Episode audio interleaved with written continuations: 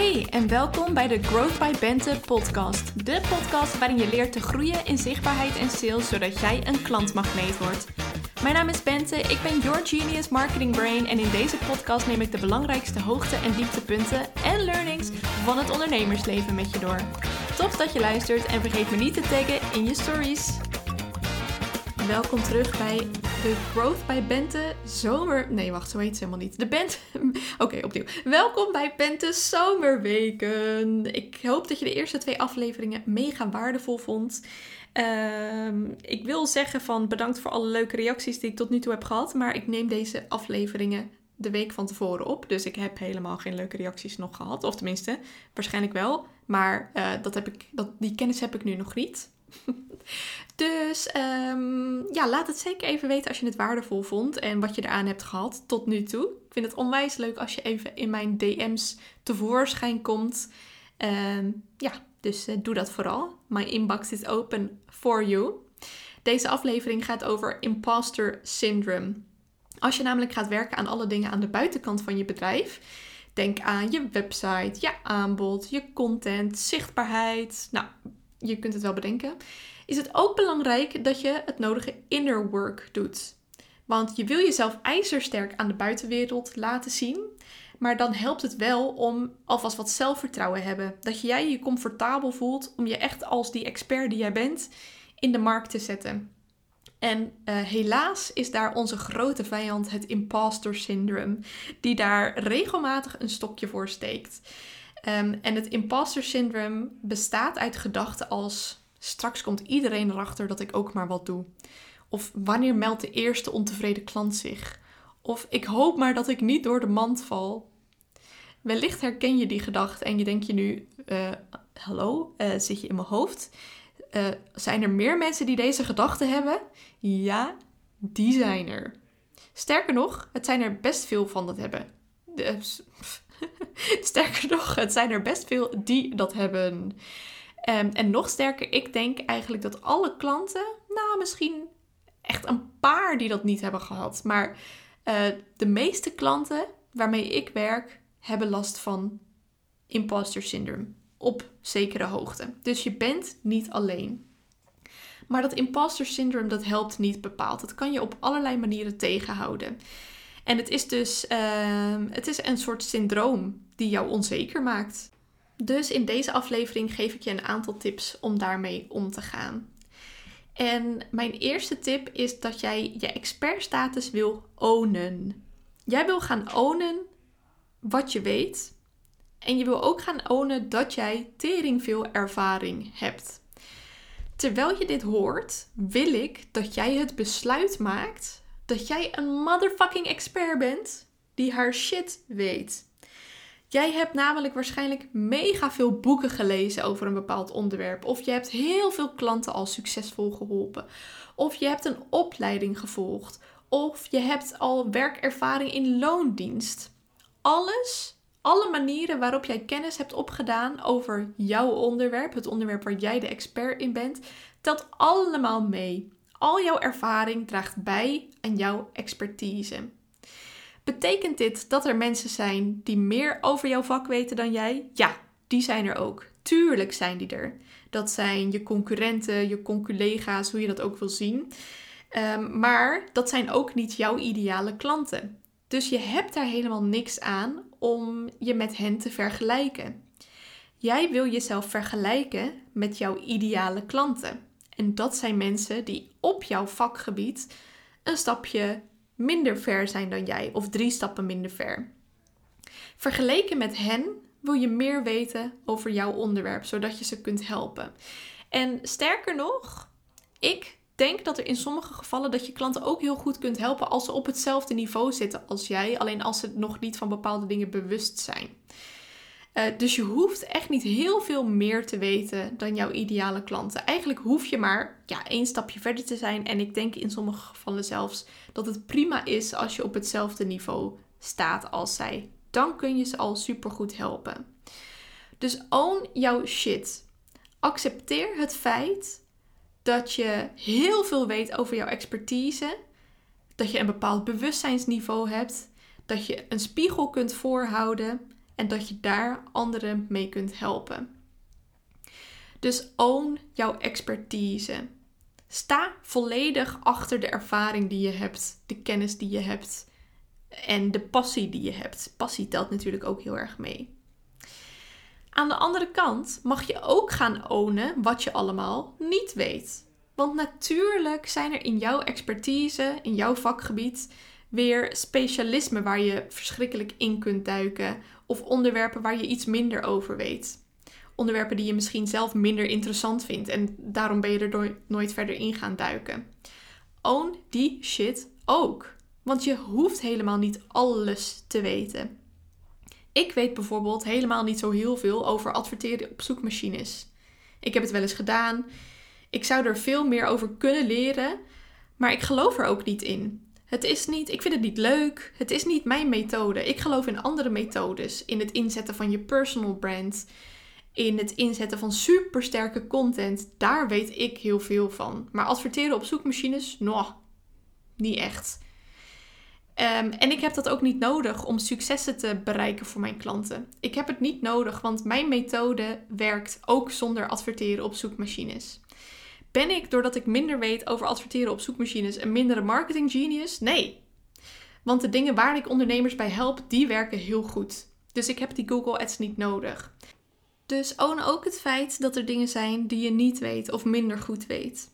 En als er dan toch iemand naar je toe komt die heel graag met een bepaald onderwerp aan de slag wil waar jij niks vanaf weet of minder vanaf weet, kun je twee dingen doen.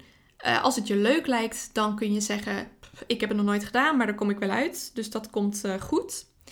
Als het je niet leuk lijkt, dan zeg je gewoon: Nee, daar werk ik niet mee. Dan moet je bij iemand anders zijn. En je kunt ook, um, je kunt ook zeggen: Ik heb bijvoorbeeld uh, wel eens klanten die dan alles willen. En dan zeg ik: Nou, hier ben ik heel goed in. Dit is mijn methode. advertenties geloof ik niet zo heel erg in. Ik geloof niet dat je dat per se nodig hebt. Ehm, en ehm, ja, nee, zo. Ik geloof in andere methodes. Dus als je mijn methode tof vindt, dan moet je bij mij zijn. En als je echt in dat onderwerp wil duiken, dan moet je bij iemand anders zijn. Dus own het feit uh, dat er dingen zijn die je niet weet. Je kunt prima zeggen van, uh, joh, geen idee, als iemand een vraag stelt. Dus uh, own wat je wel weet en own ook wat je niet weet. En wees daar gewoon eerlijk over. Ja, je hoeft, je hoeft niet alles te weten over jouw vakgebied. Je hebt gewoon een methode die werkt. Daar wil je de expert in zijn en de rest, daar uh, heb je weer andere mensen voor. um, de volgende tip, dus oom wat je weet, oom wat je niet weet. En de volgende tip is, gun jezelf ook de tijd en de ruimte om elke dag beter te worden. En om elke dag te groeien. Er is gewoon nog zat tijd om verder te groeien in jouw expertise. En die tijd mag je jezelf ook gunnen. Net zoals je nu al heel veel ervaring en kennis hebt opgedaan, komen er nog veel meer ervaringen. Met elke klant, met elke lancering, met elke opdracht ga je weer aan jouw kennisniveau en aan je ervaring werken. Um, heb je weer nieuwe cases die ervoor zorgen dat je nog beter wordt in je vak. Dus gun jezelf die tijd en die ruimte.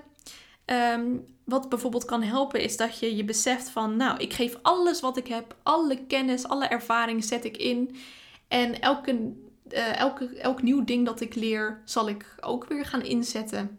Uh, dus je toont 100% inzet en je leert ook elke keer nieuwe dingen bij. En die, die leer je ook wel. dus uh, gun jezelf die tijd en die ruimte. Als je dit doet, dat heeft ook een beetje natuurlijk met zelfliefde te maken. Wees er niet zo hard voor jezelf in de zin van dat je vindt dat je alles moet weten voordat je mensen echt serieus kunt helpen, want dat is niet zo. Jij kunt mensen al heel goed helpen uh, met de huidige kennis en ervaring die je hebt. Dus accepteer dat, besluit dat je, um, dat je dat weet en dat je mensen met jouw huidige niveaus van kennis en ervaring heel goed kunt helpen. En um, gun jezelf die tijd om nog beter te worden. Elke dag met elke ervaring. Als klanten aantrekken moeilijk gaat, dan kan dat ook je imposter syndrome voeden. Je komt dan in zo'n soort loop terecht met: ik weet niet hoe ik nieuwe klanten kan aantrekken. Daardoor voel ik me onzeker. Daardoor mijn onzekerheid vind ik het moeilijker om te bepalen hoe ik kan groeien. Daardoor wordt klanten aantrekken moeilijker. Daardoor word ik nog onzekerder. Daardoor vind ik het nog moeilijker om een strategie te bepalen. Daardoor lukt klanten aantrekken minder goed. Daardoor word ik nog onzeker. Nou, et cetera. Het is echt zo'n neerwaartse spiraal. Met als resultaat dat je helemaal vast kunt raken in je bedrijf. Dat je gewoon niet meer ziet wat jij moet doen om die klanten aan te trekken. En ook hier werk ik aan uh, tijdens de Growth by Bente Business School. En ik deel graag even een klantreview om dit te schetsen. Misschien herken je je daarin. Zes maanden geleden voelde ik me erg onzeker en zat ik ook erg vast. Ik wilde graag groeien met mijn bedrijf, maar ik wist niet hoe, waardoor het soms ook zwaar voelde. Inmiddels heb ik een sterk fundament van mijn bedrijf, sta ik meer in mijn expertstatus en heb ik weer plezier in de marketingtaken van mijn bedrijf. Daarnaast groeide mijn zelfvertrouwen, ontdekte ik waar ik uniek in ben en nu gaat sales ook makkelijker. Waar wij aan hebben gewerkt, oké, dus dit was uh, het einde van de review. Waar wij aan hebben gewerkt en wat we tijdens de business school ook gaan doen, is uh, natuurlijk super sterk dat fundament neergezet. Kijken waar zij uniek in was, zodat ze zichzelf ook minder zou gaan vergelijken met andere experts. Als je onzeker bent, heb je altijd de neiging om heel erg jezelf te vergelijken met anderen in jouw branche, terwijl dat hoeft niet. Dat is nergens voor nodig. Dus we hebben heel erg gekeken wat is haar kracht, waar kan zij zichzelf uniek in presenteren. En daardoor is haar zelfvertrouwen gegroeid. Want vanuit een stevig fundament lukt het ook veel beter om anderen te helpen. Daarnaast hebben we haar CEO-mindset verstevigd. Dus we zijn actief op zoek gegaan naar belemmerende overtuigingen. Zoals um, ik twijfel of ik die investering wel waard ben. Als in ik twijfel of ik het wel waard ben dat mensen geld aan mij uitgeven. En omdat dat hebben we omgezet in ik help mijn klanten echt verder met mijn diensten en daarom betalen ze mij. We hebben ook uh, kleine oefeningen met haar gedaan om haar zelfvertrouwen te vergroten. Uh, zij heeft bijvoorbeeld gratis strategiegesprekken uh, aangeboden en een challenge georganiseerd.